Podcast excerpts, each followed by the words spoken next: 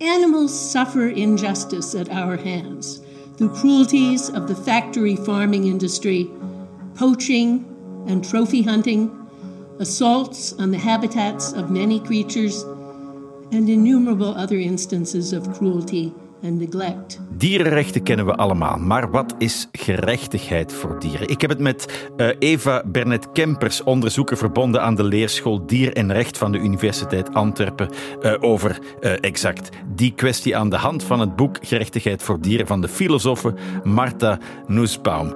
wanneer we een langpootmug te pletten rijden op ons autoraam, kan die mug of haar familie ons dan voor de rechter slepen? Dat soort dingen.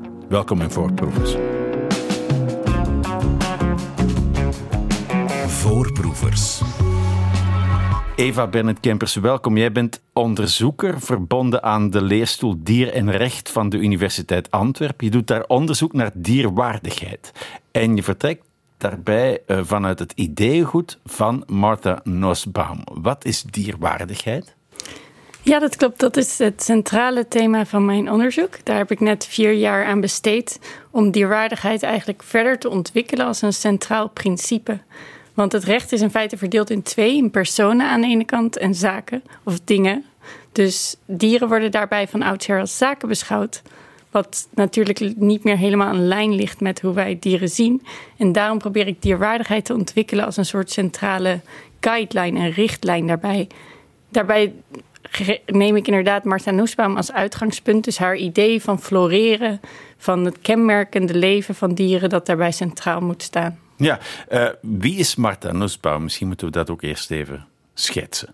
Ja, Martha Nussbaum is een filosofe die zich lange tijd heeft bezig gehouden met met name thema's rondom um, woede, emoties, de dood. Ze is echt een, een van de belangrijkste filosofen van onze tijd. En nu haar meest recente boek richt zich helemaal op de kwestie van dierenrechten. En daar is ook een persoonlijke, daar is ook een persoonlijke reden voor, hè? Ja, dat klopt. Want Martha Nussbaum heeft een dochter die daar heel, heel haar leven eigenlijk um, mee bezig is geweest met deze vraag: hoe behandelen we dieren en waar moet dat naartoe gaan? Maar haar dochter is helaas overleden een aantal jaar geleden. Dus voor Martha Nussbaum was het boek ook een soort van rouwverwerking. Het was echt een soort manier. Want daarvoor werkte zij al samen met haar dochter aan dit thema. Hè? ja, ze er al ja. over aan het nadenken. Ja, dat klopt. Ze heeft een aantal artikelen samen gepubliceerd met haar dochter, met name over walvissen. Want de dochter was vooral actief uh, over met walvissen bezig. En dit, is, dit boek is eigenlijk een manier van Martha Nussbaum om dit gedachtegoed voor te zetten. En dus een soort tribuut aan haar dochter uh, te schrijven hierbij. Ja, zij, ze, ze begint haar boek ook met heel concrete verhalen over dieren, die ze ook benoemt, die ze ook een naam geeft. En dat zet eigenlijk wel de toon voor uh, de rest van, van haar betogen. Ja, dat klopt. Ja, en dat is wel echt een originele insteek. Want vaak blijven filosofen natuurlijk vrij abstract. Ze hebben het allemaal over abstracte principes. Over de dieren, over... De dieren, uh, ja, ja. Of, of ja... Of de ontrouw, of de ja. ja, en daarom is haar benadering daar duidelijk verschillend van. Want zij neemt echt een aantal specifieke dieren, geeft die ook een naam. Jean-Pierre de Vink bijvoorbeeld. Vink, ja. Uh, en de walvishaal heet die, als ik me niet vergis. Ja, precies. Ja. Dus dit maakt het ook heel, heel duidelijk. Heel, je kan je heel goed voor, een voorstelling maken bij deze dieren. En dat is ook precies haar doel met dit boek. Ze wil echt onze emoties aanspreken en ons voorstellingsvermogen meer dan onze ratio. Dus ik vind die insteek juist wel echt een van de krachten van dit boek. Ja, en, en dat is ook wat zij probeert het, uh, uit te leggen. Hè? Want het gaat niet over de rechten van de dieren, zelfs niet over de rechten van de walvissen, maar van deze ene walvis. Zo moeten we het bekijken, net zoals we mensen als individuen bijna zien. Die chimpansee, die eend, die walvis. Ja, zij vecht heel erg tegen die generalisatie die we normaal gesproken maken door het gewoon over dieren te hebben. En zij benadrukt echt de diversiteit. Niet alleen tussen verschillende soorten, want soorten hebben ook allerlei hele andere belangen en hele andere manieren van kenmerkend leven, hmm. maar ook tussen verschillende individuen. Hmm. En dat is een heel sterk punt dat naar voren komt doorheen het hele boek. Ja, um, nu, dat was inderdaad ooit anders. Hè. Je zei daar net al in, in, in het begin van ons gesprek dat dieren tot voor kort eigenlijk nog als dingen gezien werden. Uh, en, en ook in de filosofie was dat zo. Descartes noemde zelfs dieren automaten. Ja, dat klopt. Ja, Descartes is een van de grote filosofen die altijd echt ervan uitging dat dieren in feite machines zijn. Wanneer ze schreeuwen van pijn, dan is dat enkel een soort automatische reactie, net zoals een klokgeluid maakt. Of daar, zit, daar gaat geen subjectieve waarneming komt eraan te pas, volgens Descartes. En dit idee is echt heel lang blijven doorleven in Hoe de zou dat filosofie. komen eigenlijk? Nou, ik denk dat dat ook deels te maken heeft met een soort eigenbelang. Omdat we nou, zeker in die tijd, dieren heel hard nodig hadden. Gewoon voor gebruik, voor eten, voor allerlei eh, zaken gebruikten we dieren. Dus daarbij is het ook lastig om te erkennen.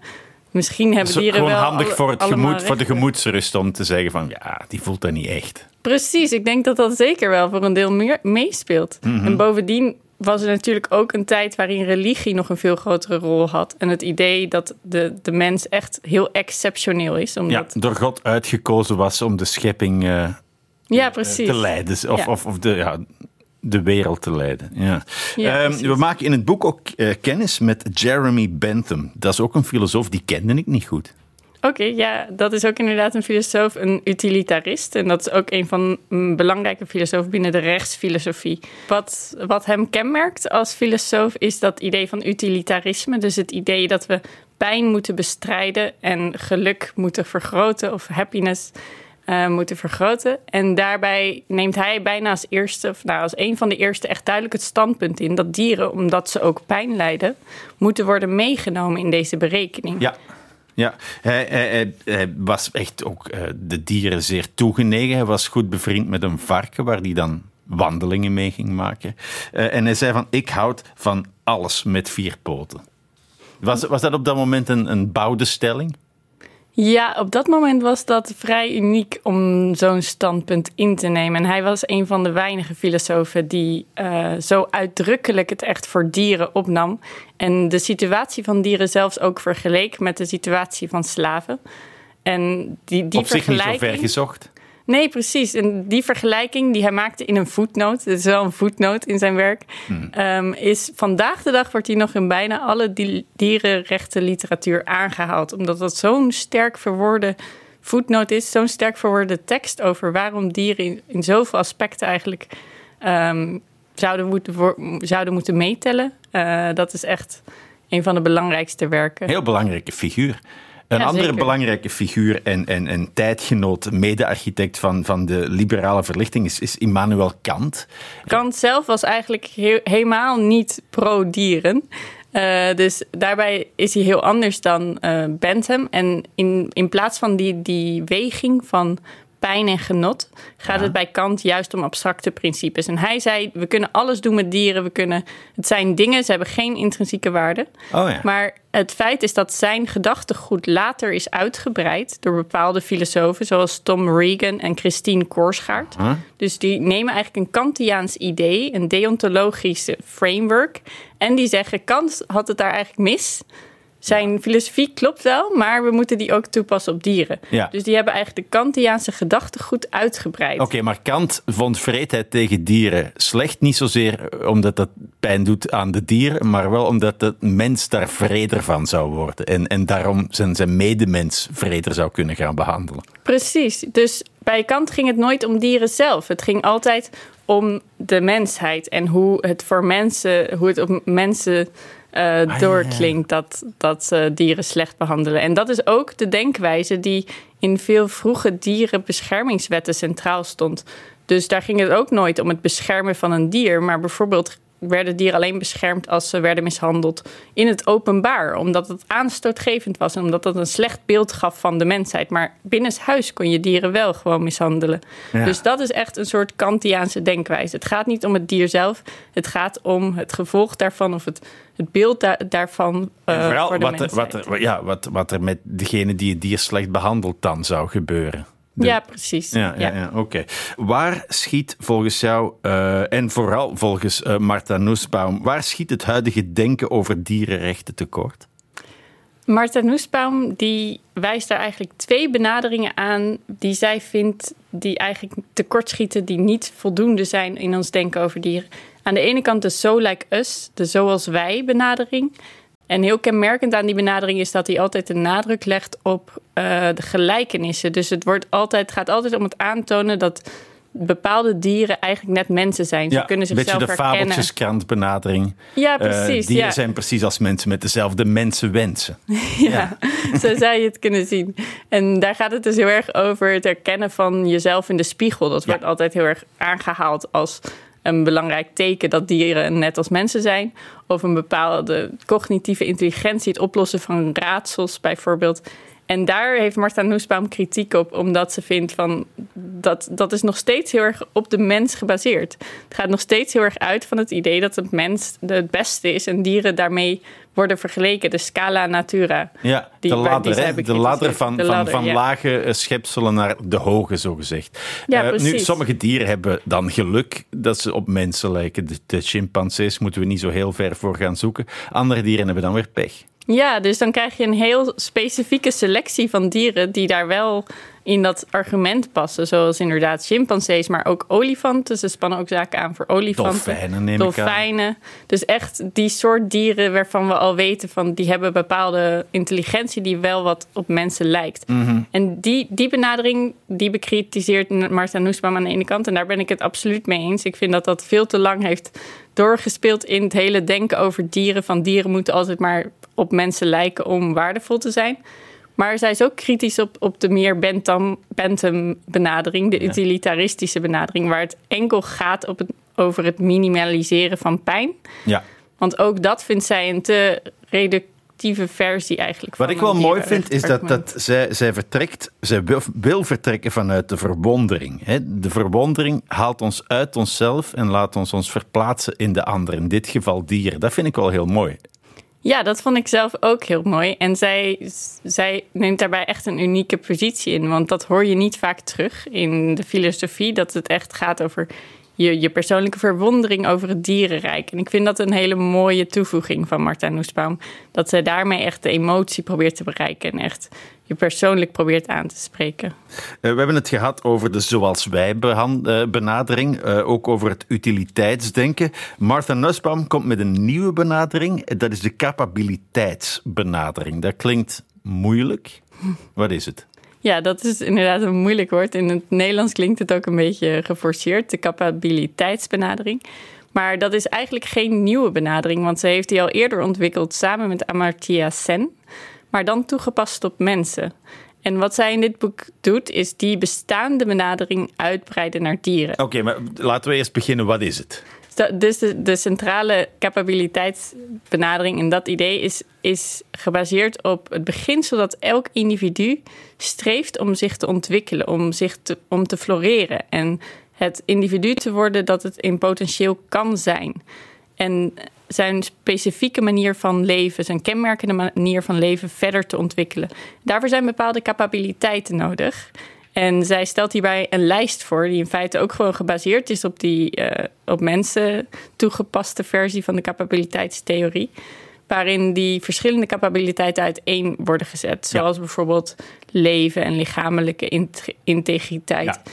En om een florerend leven te kunnen leiden, moet een bepaalde mate van die capabiliteiten aanwezig zijn in het leven van individuen. Mhm. Mm -hmm. Dus dat is het basisidee. En onrecht ontstaat dan wanneer dit floreren, deze ontwikkeling. Gedwarsboomd, wordt op een of andere manier. Dat hoeft niet eens bewust te zijn. Nee, ze, ze haalt daar inderdaad ook voorbeelden van nalatigheid bij. Dus het kan een bewuste dwarsboming zijn of een nalatige dwarsboming. Ja, dan hebben we het inderdaad over Jean-Pierre de Vink, als ik me niet vergis, uh, die gedwarsboomd wordt door de luchtkwaliteit en daardoor zijn zangstem uh, uh, verliest. Ja, precies. Dat was een van de voorbeelden die ze inderdaad expliciet noemt als een voorbeeld van een slachtoffer van menselijke nalatigheid. Wij laten de lucht vervuilen, waardoor bepaalde vogels daar schade van ondervinden en niet kunnen floreren als het individu dat ze zijn. Dus dat is een voorbeeld van menselijke nalatigheid die vanuit een capabiliteitstheorie erg problematisch is. Mm, dan, moet ik, dan moet ik toch eerst weer even terug van geld die benadering, van die, die capabiliteit, uh, voor Nussbaum voor alle diersoorten, voor de koe en de beer even sterk als voor de krab of de kakkerlak. Trekt zij de grens daar? En dan gaan we het over die sentient hebben, hè? dat moeten we ook eens uitleggen.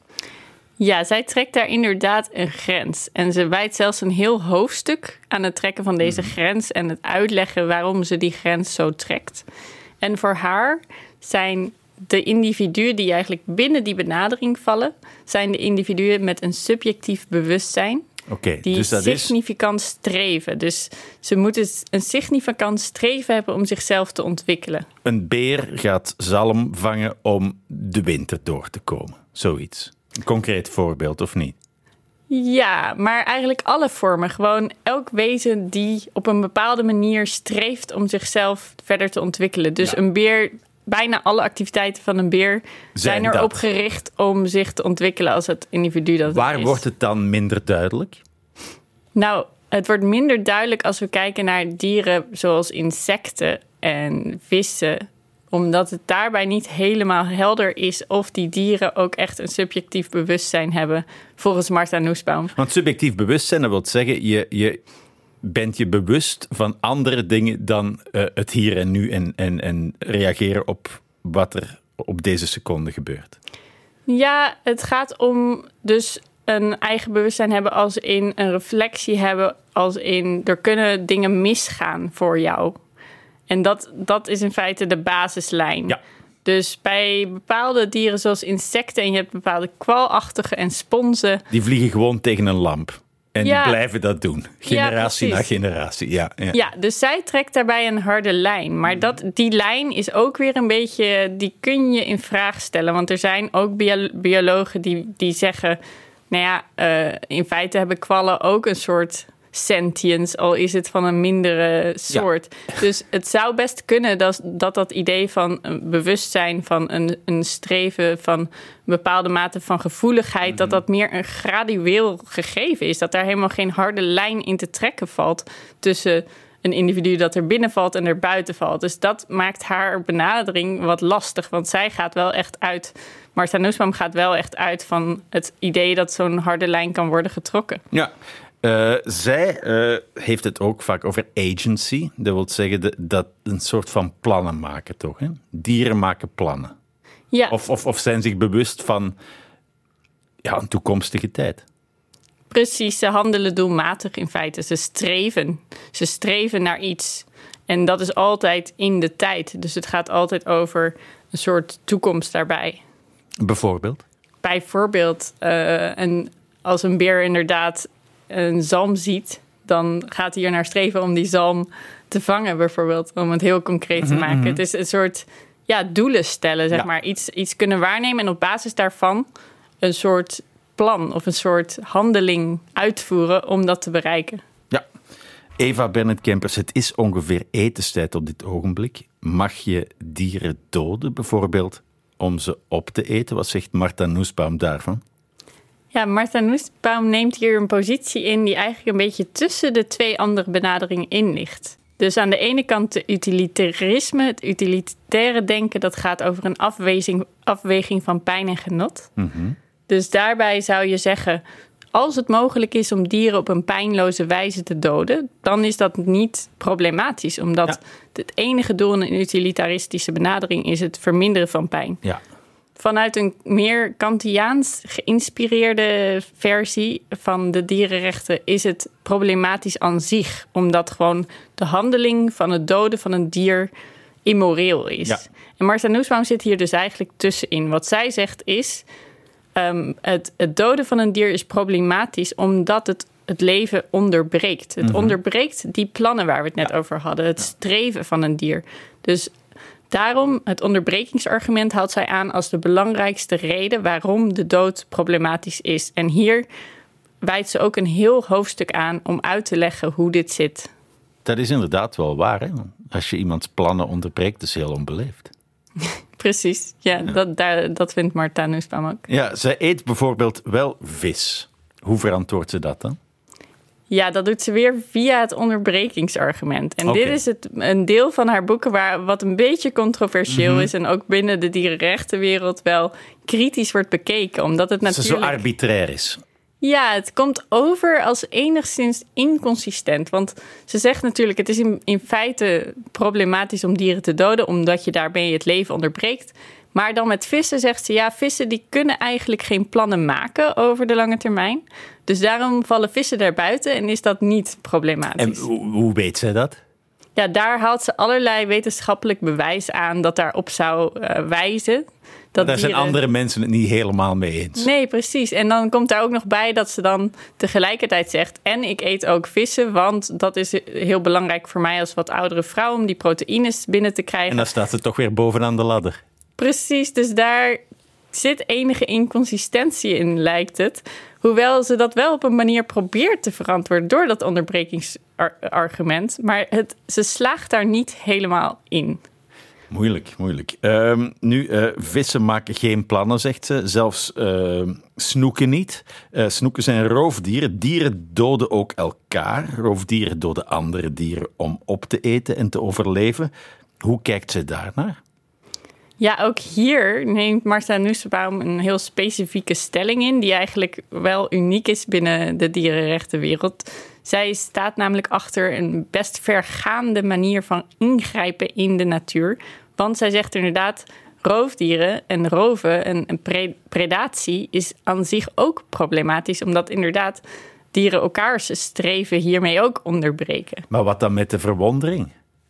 Ja, die verwondering moet volgens Martha Nussbaum zich vooral richten op de positieve aspecten. De, de aspecten die, die het floreren uitwerken en okay, okay. bijdragen aan het floreren van andere dieren. Dus een, een, een jaguar die zijn prooi besluipt is problematisch en de verwondering minder waard. Ja, precies. Zij vindt dat we daar eigenlijk geen verwondering over zouden moeten voelen. Ja. En zij is daar dan ook sterk tegen um, soort safaris waarop mensen specifiek naar roofdieren gaan kijken. Zij, zij vindt het heel gruwelijk en ze zegt eigenlijk dat dat is niet waar onze verwondering op gericht zou moeten zijn. Oké, oké. En wat stelt ze dan voor? Wat zou het alternatief dan moeten zijn? Nou, daar is ze een beetje vaag over in dit specifieke boek. Ze is daar meer uitgesproken over in interviews, waarin ze echt heeft gezegd: uh, we moeten ervoor zorgen dat bepaalde roofdieren minder jagen, bijvoorbeeld door alternatieven te bieden, kunstmatige alternatieven. En ze heeft zelfs ooit gesuggereerd dat we de wilde hond zouden moeten laten uitsterven, omdat het een diersoort is die heel veel lijden veroorzaakt. Nou, je kunt je voorstellen dat dit hmm. soort ideeën best wel op tegenstand stuiten, zeker binnen de ecologie, binnen de biologie, omdat ze eigenlijk helemaal niet weet wat dit soort ingrijpen uiteindelijk tot gevolg zou hebben. En dat is natuurlijk heel moeilijk in te schatten. Je lijkt mij ook eerder een soort van theoretisch spel dan echt een praktische oplossing voor iets of zo. Ja, dat, dat klopt. Zo zie ik het ook wel. Omdat het ook gewoon praktisch bijna onhaalbaar lijkt om zulke soort ingrijpen te gaan toepassen.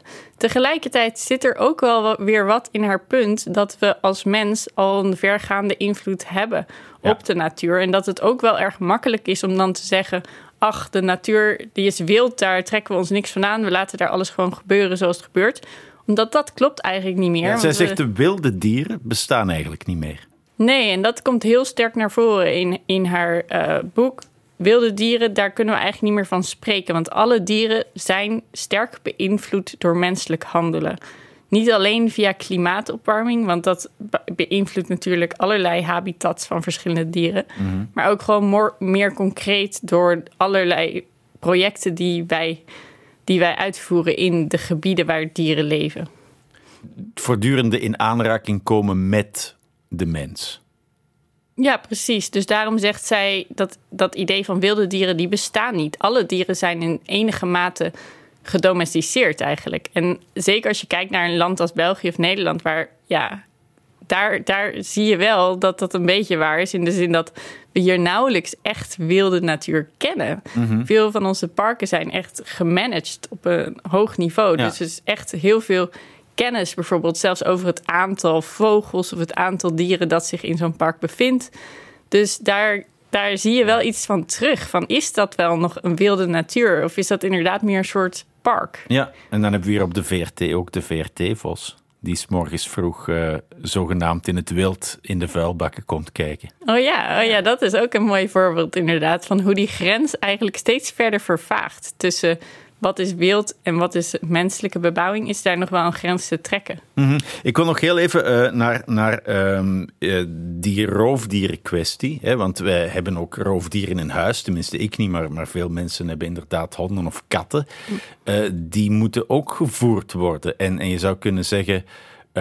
die gaan ook soms vogeltjes of muizen doden. En dat is ook een probleem voor haar.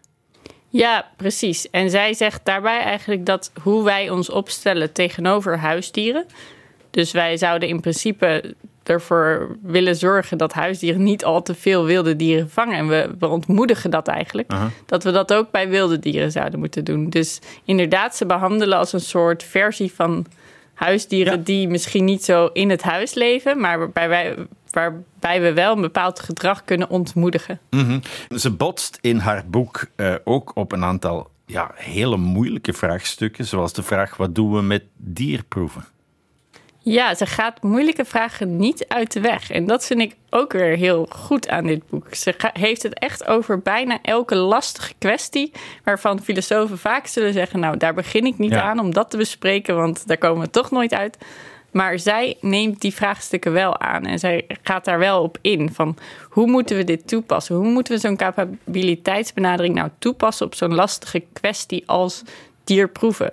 En zij noemt dit een tragisch dilemma. Dus een, een conflict waarbij er verschillende floreren, streven tot floreren in, uh, met elkaar niet kunnen worden verenigd. En uh, met betrekking tot dierproeven heeft zij daar wel een uitgebreide visie op. Dus natuurlijk is het gebruik van dierproeven op allerlei manieren problematisch, omdat het floreren van die dieren vrijwel onmogelijk maakt. Mhm. Maar zij zegt dat er al bepaalde, um, een bepaald beleid is, bijvoorbeeld de drie V's, de, het idee van vermindering, verfijning en vervanging van dierproeven, waarop we kunnen voortbouwen. En dan zou de eerste aandacht moeten gaan naar het, het um, het verbeteren van de levens van de dieren die vandaag de dag in de dierproeven worden gehouden. En zij ziet dat als iets dat vandaag de dag al mogelijk is. Dus daarbij hoeven we niet in één keer een totale afschaffing van alle dierproeven, maar juist er eerst op focussen om de dieren die er nu worden mhm. gebruikt een meer florerend leven te kunnen bieden. Hoe kunnen dieren hun rechten afdwingen? Dat vroeg ik mij ook nog af, want ze kunnen natuurlijk niet zelf naar de rechter stappen. Nee, dat klopt. En Martha Nussbaum heeft een specifiek hoofdstuk daaraan gewijd om te bespreken hoe, hoe haar capabiliteitsbenadering nou vertaalt in het recht. Ja. En daarbij wijst zij inderdaad op het grote probleem met handhaving. Want vergeleken met andere wetten worden dierenbeschermingswetten heel slecht gehandhaafd. Dat komt mede door, zoals je al aangaf, dat het feit dat dieren zichzelf niet kunnen verdedigen in de rechtbank. Dus ze afhankelijk zijn van menselijke actoren eigenlijk. Mhm. En zij neigt daarbij naar een soort voogdmodel. Een soort model dat gebaseerd is op een voogd voor kinderen. Waarbij er bepaalde eh, personen zijn die een type dier representeren, dus vertegenwoordigen in de rechtbank. Maar in de, ze gaat hier niet heel uitgebreid op in en het blijft een beetje vaag hoe dit praktisch gezien precies in zijn werk zou gaan.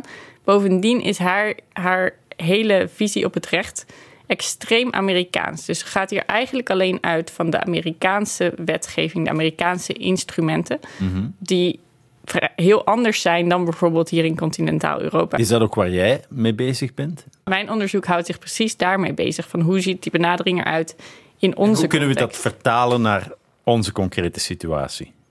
Dat is, dat is vrij lastig, omdat we hier met een ander soort systeem moeten werken. Maar kun je die ethische principes niet gebruiken dan? Ja, absoluut. Dus zeker, daarom ga ik ook uit van Martha Nussbaum. Die ethische ideeën, haar capabiliteitsbenadering is cruciaal. En wat mij betreft zeer waardevol, ook mhm. voor het rechtssysteem. Maar de vertaling in het recht ziet er anders uit. Ja. Want ook zo'n voogd, voogdijsysteem in een civielrechtelijke context werkt dat anders. En zijn het vaak organisaties bijvoorbeeld hier, dierenbeschermingsorganisaties, die in feite de rol spelen van een soort vertegenwoordiger. Nu uh, moet er uh, met onze wetgeving, wat moet er heel veel veranderen nog? Ja, ik denk wel dat er heel veel moet veranderen. Want inderdaad, aan de ene kant hebben we die handhavingsproblemen. Dus het feit dat de dierenbescherming slecht wordt nageleefd. Maar we hebben ook allerlei hiaten en inconsistenties in het huidige recht. Zo zie je dat in veel landen bijvoorbeeld er helemaal geen bescherming is uh, voor, voor, onnodig lijden, bijvoorbeeld voor wilde dieren of bepaalde dieren worden uitgesloten.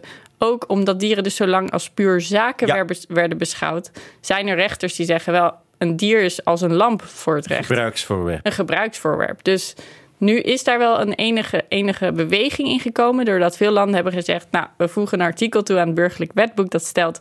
Dieren zijn geen dingen, dieren zijn geen goederen, ze zijn levende wezens met gevoel. In België is dat ook het geval, sinds twee jaar nu ongeveer, dat zo'n artikel is toegevoegd. Dus je ziet er wel beweging in en het recht gaat steeds meer erkennen dat uh, dieren wel degelijke wezens zijn met gevoel. Maar er, er zijn nog allerlei problemen. Bijvoorbeeld al op grondwettelijk niveau worden dieren helemaal niet genoemd. Behalve in Duitsland is dan een uitzondering waar, waar dieren wel in de grondwet staan. Maar in veel andere landen is er in de grondwet helemaal geen enkele sprake, geen enkel, geen enkele geen enkel dier aanwezig. En dat is bijvoorbeeld een, een probleem waardoor dierenbescherming ook veel minder gewicht wordt toegekend. Ja, hoe ziet Marta Nussbaum de toekomst? Marta Nussbaum is verrassend optimistisch ah. over de toekomst. En daarmee is ze ook verschillend van veel dierenfilosofen en dierenrechtenpersonen die eigenlijk heel pessimistisch zijn en eh, vooral de nadruk leggen op alles wat er mis is nog steeds met onze behandeling van dieren. Maar Marta Nussbaum die heeft eigenlijk een vrij optimistische toon. En ze ziet het wel als haalbaar om die capabiliteitsbenadering binnen misschien enkele decennia verder uh, in praktijk te brengen. En echt als, als toonaangevend neer te zetten. Dus zij eindigt haar boek ook met een optimistische lijst van alle belangrijke ontwikkelingen die juist al heel erg bijdragen aan het verbeteren van de status van dieren. En hoe zie jij dat? Uh, ik ben ook wel voorzichtig optimistisch. Want ik zie dat die, dat die uh, verandering vrij snel gaat. Als je kijkt naar het verschil tussen nu en dan twintig jaar geleden, dan is er al zoveel veranderd. Zeker in het recht. Uh, er, zijn, er is zoveel meer bescherming en er is zoveel meer nuance aangebracht. En je kunt gewoon niet meer zeggen: dieren zijn puur zaken. Want er zijn al zoveel uitzonderingen gemaakt en de bescherming neemt echt toe. Dus ik ben daar ook hoopvol in dat dat zich door gaat zetten. En dat we uiteindelijk over hopelijk enkele decennia echt een sterke dierenbeschermingswetgeving hebben. Die niet meer al die gebreken vertoont van de huidige wetgeving. En dat dieren iets ongestoorder dier kunnen zijn. Precies, dat zij kunnen floreren als het wezen dat ze zijn. Eva Bernet Kempers, dankjewel om het zo mooi te komen uitleggen en heel veel succes met uh, je onderzoekswerk. Voorproevers.